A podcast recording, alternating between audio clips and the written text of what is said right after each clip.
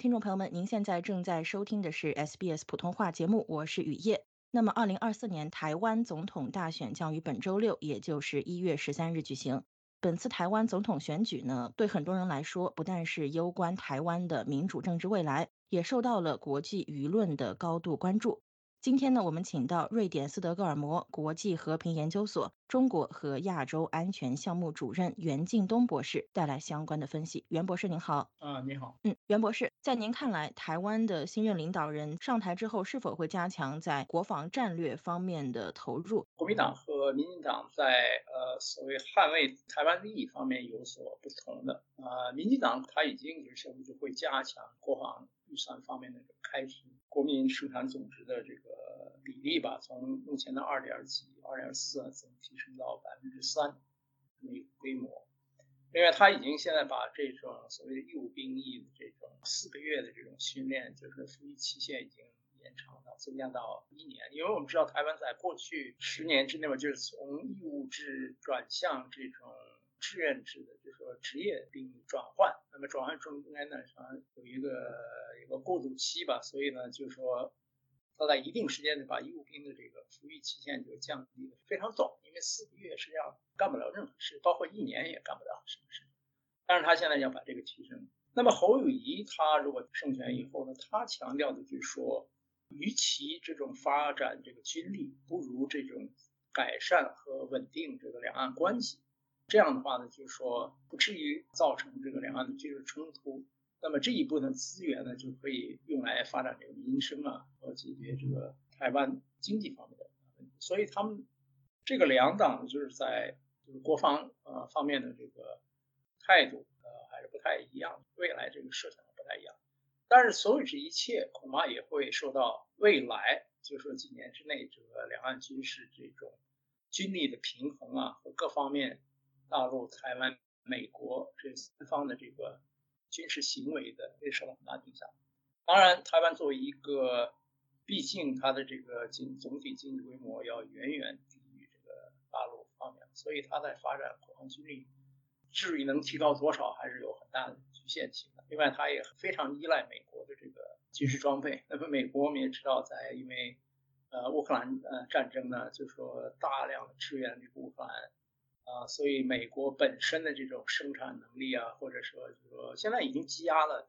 就说上百亿美元的，就说已经同意卖给台湾的这个军火，但是根本无法递交，是因为这个整个这个生产过程受到呃后置。另外就是说，因为现在主要的精力放在了重点放在了乌克兰上。那么，袁博士，刚才您也是多次提到了美国在这一次台湾大选中可能扮演的一些作用啊。那台湾的三位候选人呢，对于美中两国也是有着微妙的态度差异。那您认为台湾选举可能会如何影响地区的稳定？比如说地缘政治动态以及美中关系这方面呢？特别是考虑到美国大选也是将于今年晚些时候来举行，那各方面关系是否会进一步的复杂化呢？看美国大选，就是说最后结局是什么？如果是特朗普当选，再次当选的话，那么对两岸的这个局势呢，可能会有带来很大的这个不定因素，就是它非常大的不定。因为第一，特朗普他过去都多次宣称，就是说美国没有必要为台湾的这个安全防务买单，因为他对其他的盟国这边也有很多非议嘛。啊，他觉得美国就是单方面花那么多资源，而那些国家呢就坐享其成，根本不愿意在他们自己的方面啊进行这个应有的投入，所以他恐怕就会对台湾的这个安全本身会带来更多的不定因素。那么这里面呢也可能会带来一些误判啊，比如大陆如果认认为这个特朗普无意就说来呃支持台湾，那么这样可能会刺激。大陆的一些，就是说对台一些非和平的这个手段的实施了，所以这个人这些误判呢，就会会因为特朗普的当选而而带来啊有有这些因素。那么如果是拜登再就当选的话，那我觉得美国对台这个政策呢，就说总体来说啊不会有大的啊变化。所以你也可以说，台湾呢是三方中是最弱的一方，它是一个相当于一个棋子。从这个角度来讲，就是台湾本身呢，就除非台湾的领导人当选良人，他做出了一个大跨度的一个政策上面的一个调整，两岸关系啊，或者是他想来影响这个美国呃对台关系啊等等对中关系，呃，他做出这种巨大的这种政策上的调整。如果不发生这种情况的话，我觉得台湾还是一种被动式的一种，呃，就是在中美关系中在博弈中呢，做出它的一种啊调整，那么最达到最大利益化来保保证他自己的这个安全和他的这个呃。那么中国方面呢，当然也有还有很多选项的啊，它可以就是说继续坚持一国两制这种和平啊统一的这个方案。那这个里面的操作上面呢，就是说当然难度越来越大，因为这个岛内这个台湾认同呢，在过去几十几十年中呃发展的很快，所以这种和平统一的这个难度就加大了很多。就是确实你需要啊让台湾的这种选民能够就说啊相信这种一国两制啊，或者或者各个方面，不论从经济方面，从其他各个方面，啊，所以呢就是。中国大陆方面如何啊制定和这个实施对台政策，我觉得也是非常重要的一个因素。当然，他在对台政策中，他也不得不考虑就是美国这个因素，也要这个准确的判断美国会不会介入，如何介入，介入的烈度啊和介入的这种形式是什么，这些都是会影响，就是说中国大陆方面对台政策方方面面。就是说他要要考虑到。感谢袁博士带来的分享。那我这边还想问最后一个问题啊，我们现在是身处在澳大利亚，那么从澳大利亚的角度来看，对于台湾的选举有哪些主要的利益或者关切呢？不同的选举结果可能会如何影响澳大利亚在这个地区的利益呢？澳大利亚的这个就是一中的这个政策呢，实际上在中澳建交的时候。七二年的时候已经就明确了，就是澳大利亚基本上采用的就是说和其他主要西方国家一中政策了，在这个西方这个国家比较，那么就是说承认中华人民共和国是中国唯一合法的政府，